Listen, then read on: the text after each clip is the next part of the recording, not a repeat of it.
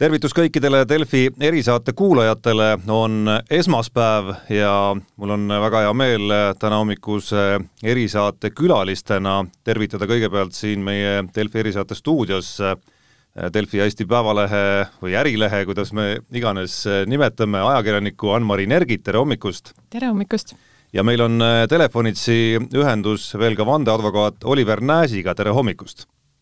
tere hommikust! Ja saatejuhi koha peal Delfi tegevtoimetaja Tarmo Paju, et nädala alustuseks kohe ikkagi inimestel äh, nii-öelda äh, ajud krussi tõmmata, siis räägime natuke juriidikast ja, ja räägime äh, tänases saates Riigikohtu otsusest neljandast detsembrist, eelmise nädala lõpust, mis siis äh, rääkis sellest, kuidas poolteist aastat tagasi äh, kehtestati kajastamise piirangud Tallinna Sadama kohtuprotsessi juures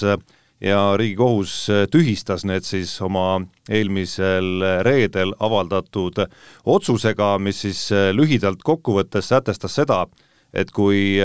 Harju maakohus oli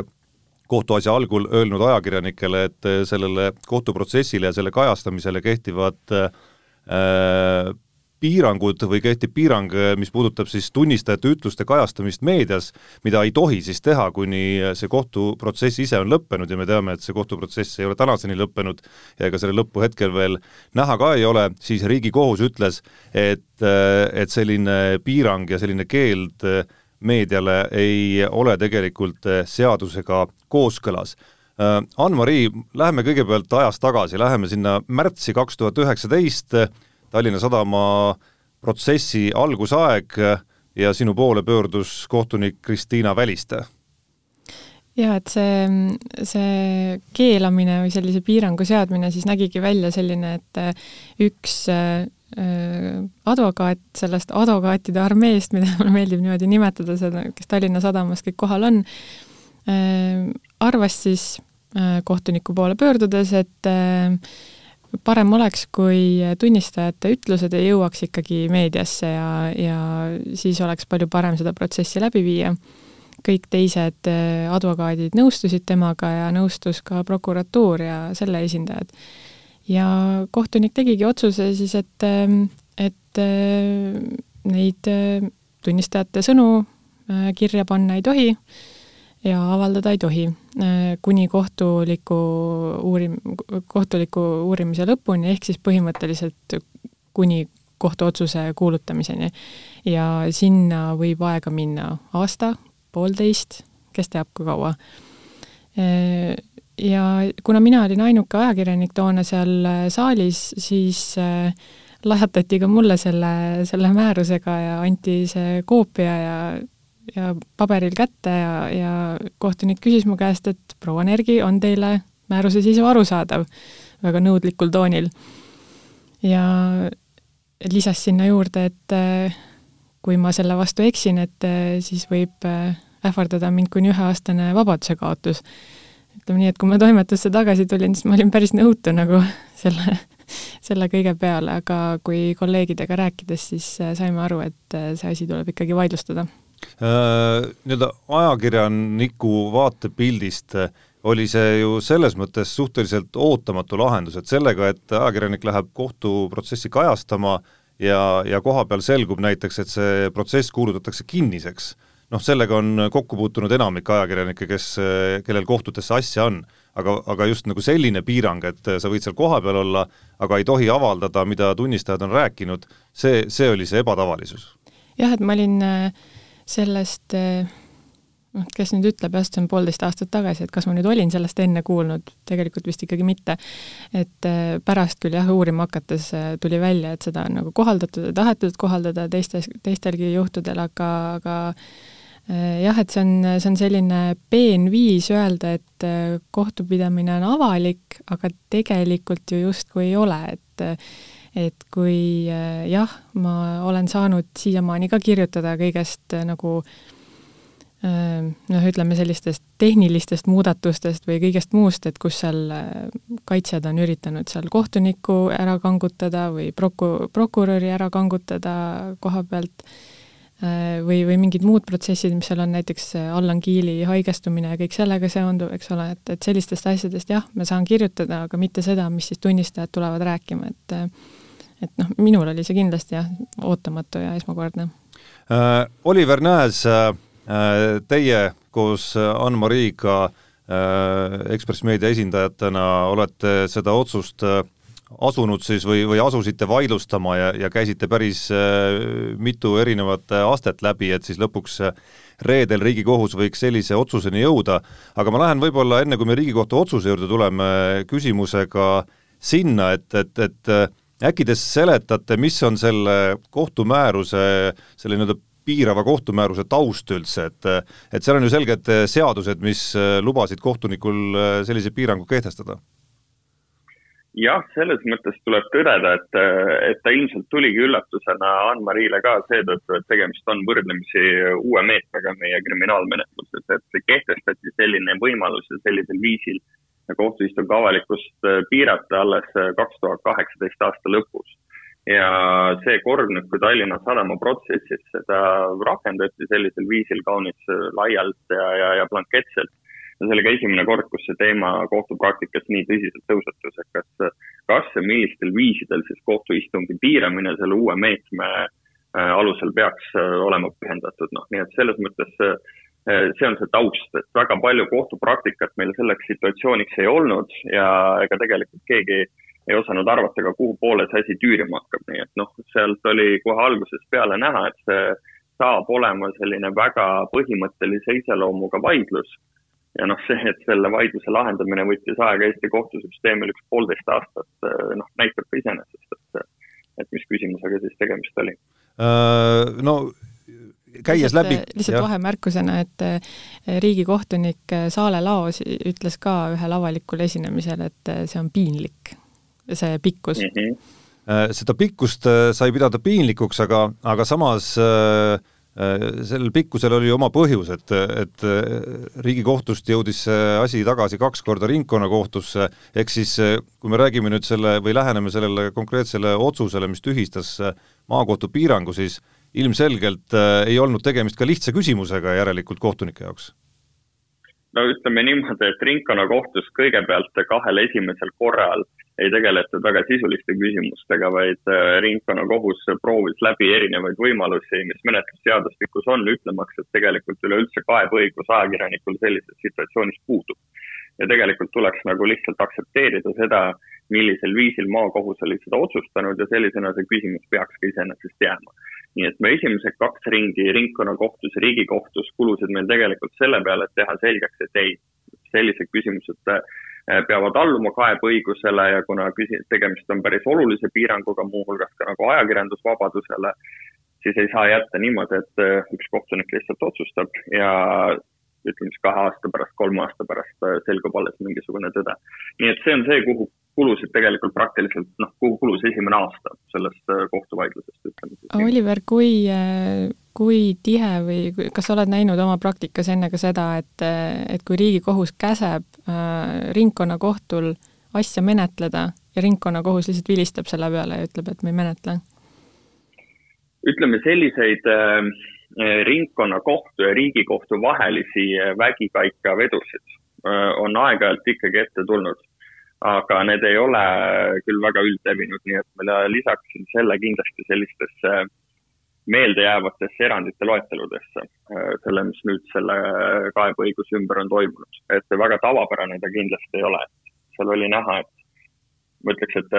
seda võimalust kaebeõiguse eitamiseks ikkagi võrdlemisi selgelt otsiti.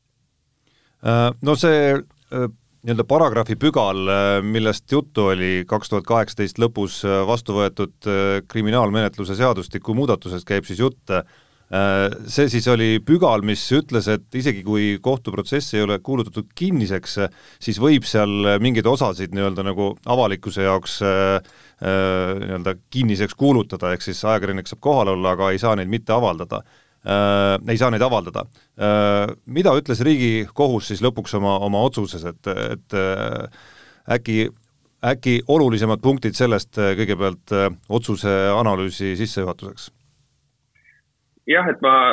sissejuhatuseks ütlekski siis nii palju, et noh, see Riigikohtu põhiline sõnum oli see, et kui seda meedet rakendada, siis see ei saa olla üldine ja blanketne ja kohalduda kõikidele tunnistajatele ja kogu kriminaalasjale üldiselt ja kogu kriminaalasja kulgemise perioodi jooksul kohtumenetluses, vaid see peab olema väga selgelt põhjendatud äh, iga konkreetse tunnistaja äh, vaatevinklit silmas pidades, et need peavad olema ikkagi selged ja eraldi välja toodavad asjaolud, äh, mille pinnalt siis üldse sellist otsustust teha saab. ja sealt edasi, äh, kui nähtakse vajadust, siis ähm, kaitsta nii-öelda tunnistaja mälupilti mõningatel juhtumitel, kus tegemist võib olla sellise erakordselt, nimetame teda siis nagu haavatavaks tunnistajaks, siis ka sellisel juhul tuleb nende piirangute kestvust ja iseloomu ikkagi väga selgelt analüüsida ja põhjendada ja tagada seda, et see oleks minimaalne eh, enda riive mõttes sellele kohtuprotsessi avalikkusele. ehk üldistatud kokkuvõttes, kui on soov seda eh, meedet rakendada, siis seda tuleb teha väga konkreetselt ja väga põhjendatult konkreetsetele asjaoludele tugineda. kas te näete, et sellel otsusel on ka, on ka laiem mõju edaspidiseks ja, ja kui, siis milline, et noh, teoorias võiks ju kujutada ette ka olukorda, et kui tuleb järgmine Tallinna Sadama kohtuistung või protsessi istung, et siis kohtunik teeb justkui nagu uuesti sama otsuse ja, ja põhjendab seda võib-olla paremini kui esimesel korral?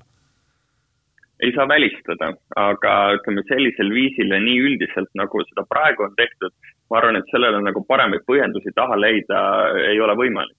et noh, küll ei ole nagu välistatud see, et noh, kohtunikud kas siis selles sadama asjas või, või mõnes teises asjas hakkavad uuesti analüüsima seda, kas mingi konkreetse ülekuulamata tunnistaja puhul võiks tõusetuda see vajadus, et öelda, et stopp, ootame paar päeva, kuni tuleb veel üks isik, kes selle konkreetse episoodiga on seotud ja peab enda ütlused ära andma, paneme selleks ajaks selle asja äh, nii-öelda saladuse loori peale. ja niisuguseid arutelusid võib tekkida nii sadamaasjas ka kui ka teistes asjades, et seda ei saa välistada. aga nii üldise piiranguga kindlasti ei ole mõtet enam välja tulla, sest noh, Riigikohus ütles ikkagi väga konkreetse sõnumi selliste määruste osas, et äh, need ei ole ilmselgelt põhjendatud. aga sellised piirangud, ütleme, et äh, kui mingi tunnistajate grupp äh, peab ära käima või mingi, ütleme, nädalate kaupa või on, tunnistajate ülekuulamine, see on ju täiesti täiesti arusaadav, täiesti, täiesti loomulik, et, et selliseid asju võibki teha, eks ole, et kui, kui on niivõrd suure kaliibriga case ja, ja niivõrd oluline, on ju, et et selle vastu ma, ole midagi. ma olen täiesti nõus sellega ja, ja siin ongi just nimelt, ma arvan, võtmesõna see aeg. seda kahest aspektist, et ühest küljest noh, ajakirjaniku vaatenurgast loomulikult on küsimus sellest eh, nii-öelda avalikust huvist ja sellest eh, teabe aktuaalsusest ühest küljest, eks. aga teisest küljest noh, ma vaatan ikkagi nagu menetlusosalisena ka seda, et, et kas see piirang on nagu praktiline. Ja noh, ma arvan, et praktiline meie nagu infoajastul see piirang on tõesti siis, kui ta on lühiajaline, meil on võimalik seda informatsiooni hoida saladuses eelkõige ikkagi siis, kui me proovime seda hoida saladuses, ma ei tea, mõned päevad või kasvõi mõned nädalad. aga protsessid, mis meil kestavad sõna otseses mõttes aastaid, noh siis eeldada seda, et et see informatsioon, mis seal kohtusaalis on, mitte ühelgi viisil, sealhulgas tunnistajatelt endilt, sealt saalist välja ei lähe, noh, ma,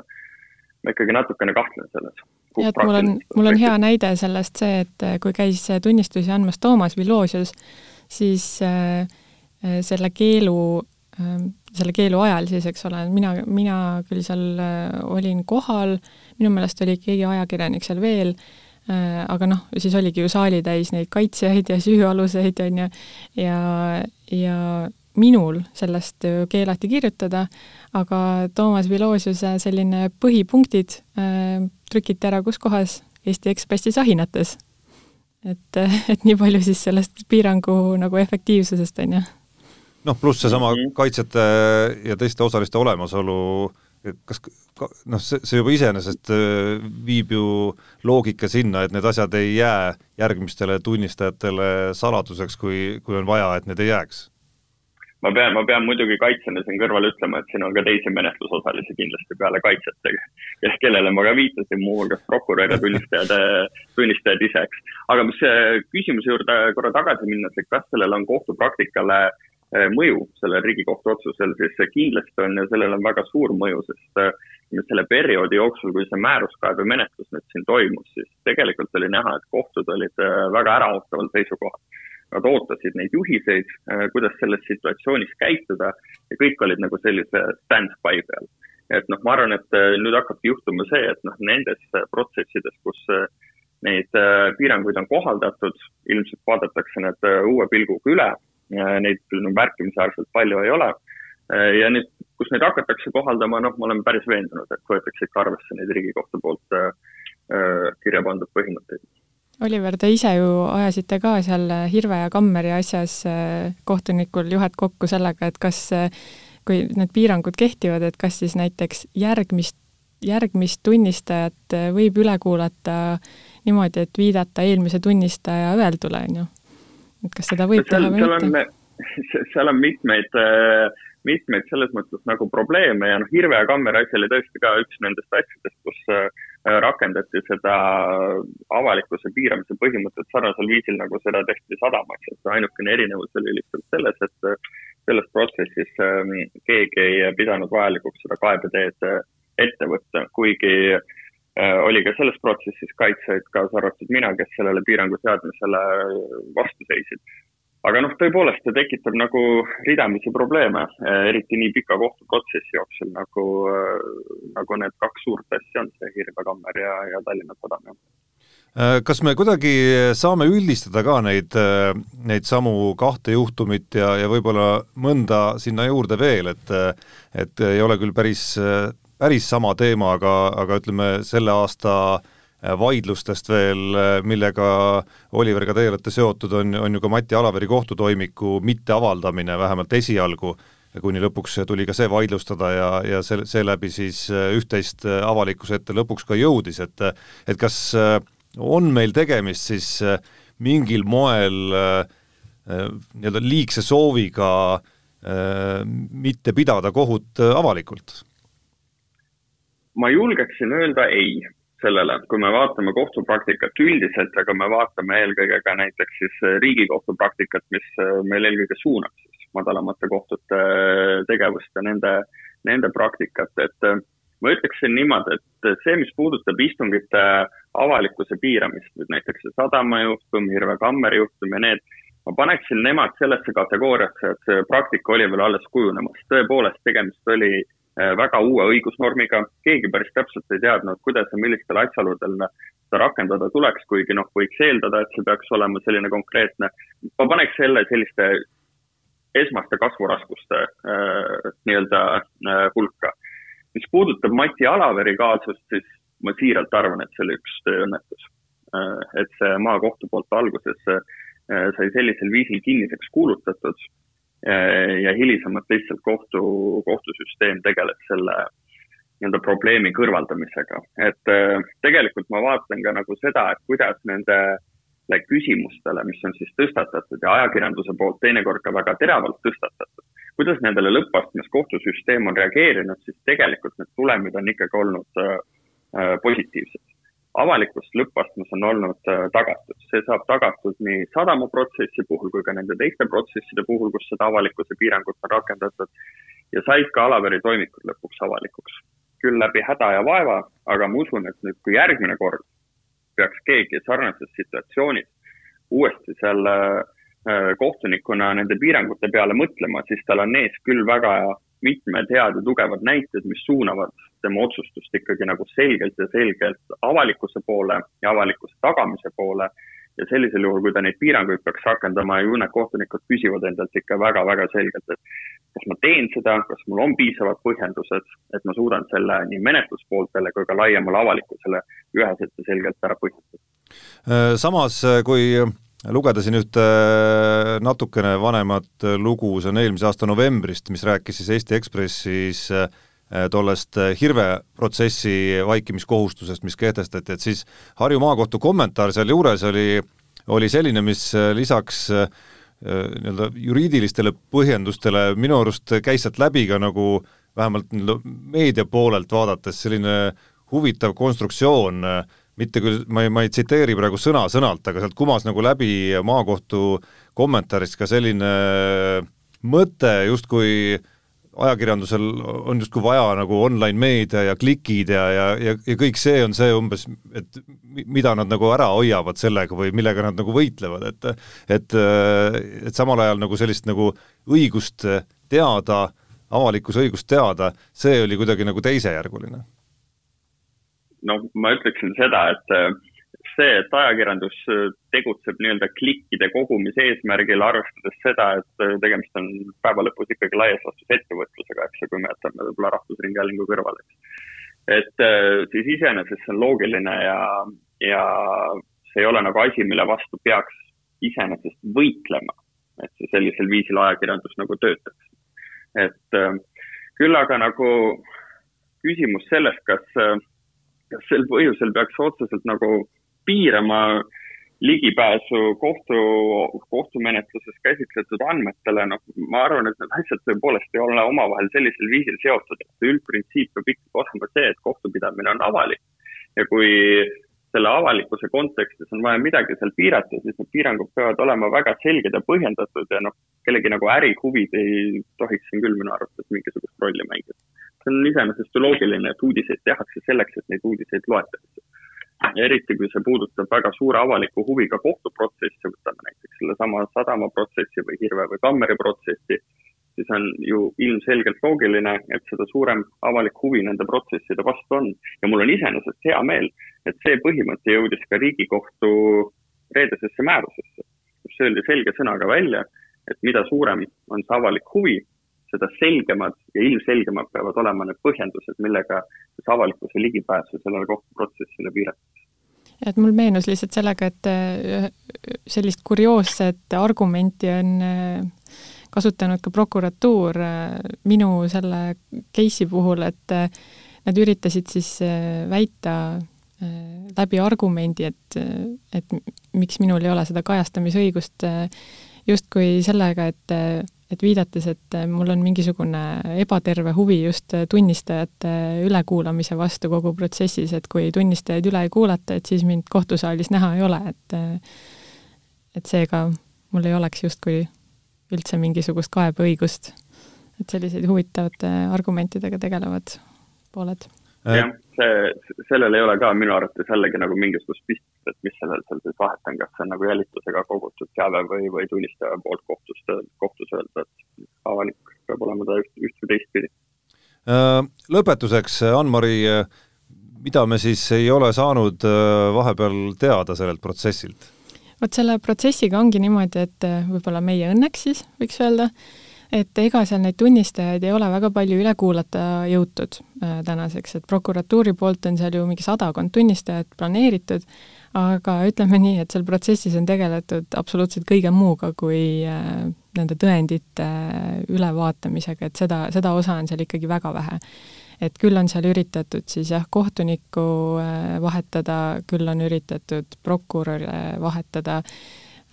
siis on aega kulunud näiteks Allan Kiili seal terviseekspertiisile ja tema mm, kohtupidamisest vabastamisele ja siis näiteks praegu ongi jälle äh, ütleme, poolteist kuud kuni kaks kuud on äh, lihtsalt paus, kõik istungid on tühistatud sellepärast, et üks süüalune on seal poolakas, Poola laevatehase endine juhatuse liige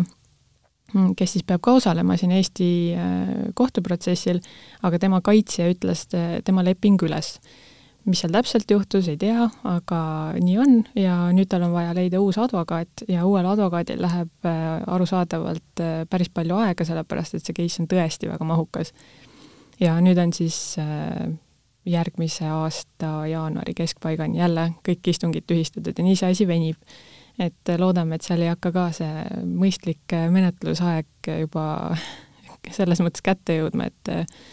et loodan, mina loodan isiklikult, et see asi ikkagi jõuab mingisuguse lõpplahenduseni, et ükskõik, mis see siis on, et kas see on süüdimõistev, kas see on õigeks mõistev, aga et see jõuaks vähemalt kuhugi, et ta lihtsalt ei, ütleme, ei visiseks kuskil tühjaks ja ei, ei jääks nagu lihtsalt mingisuguse lahenduseta et ühest küljest selles osas tegi, mul lihtsalt vahemärkusena tuli meelde, et selles osas tegi Riigikohus ka niisuguse terava torke enda reedeses määruses, viidates, et sellel hetkel, kui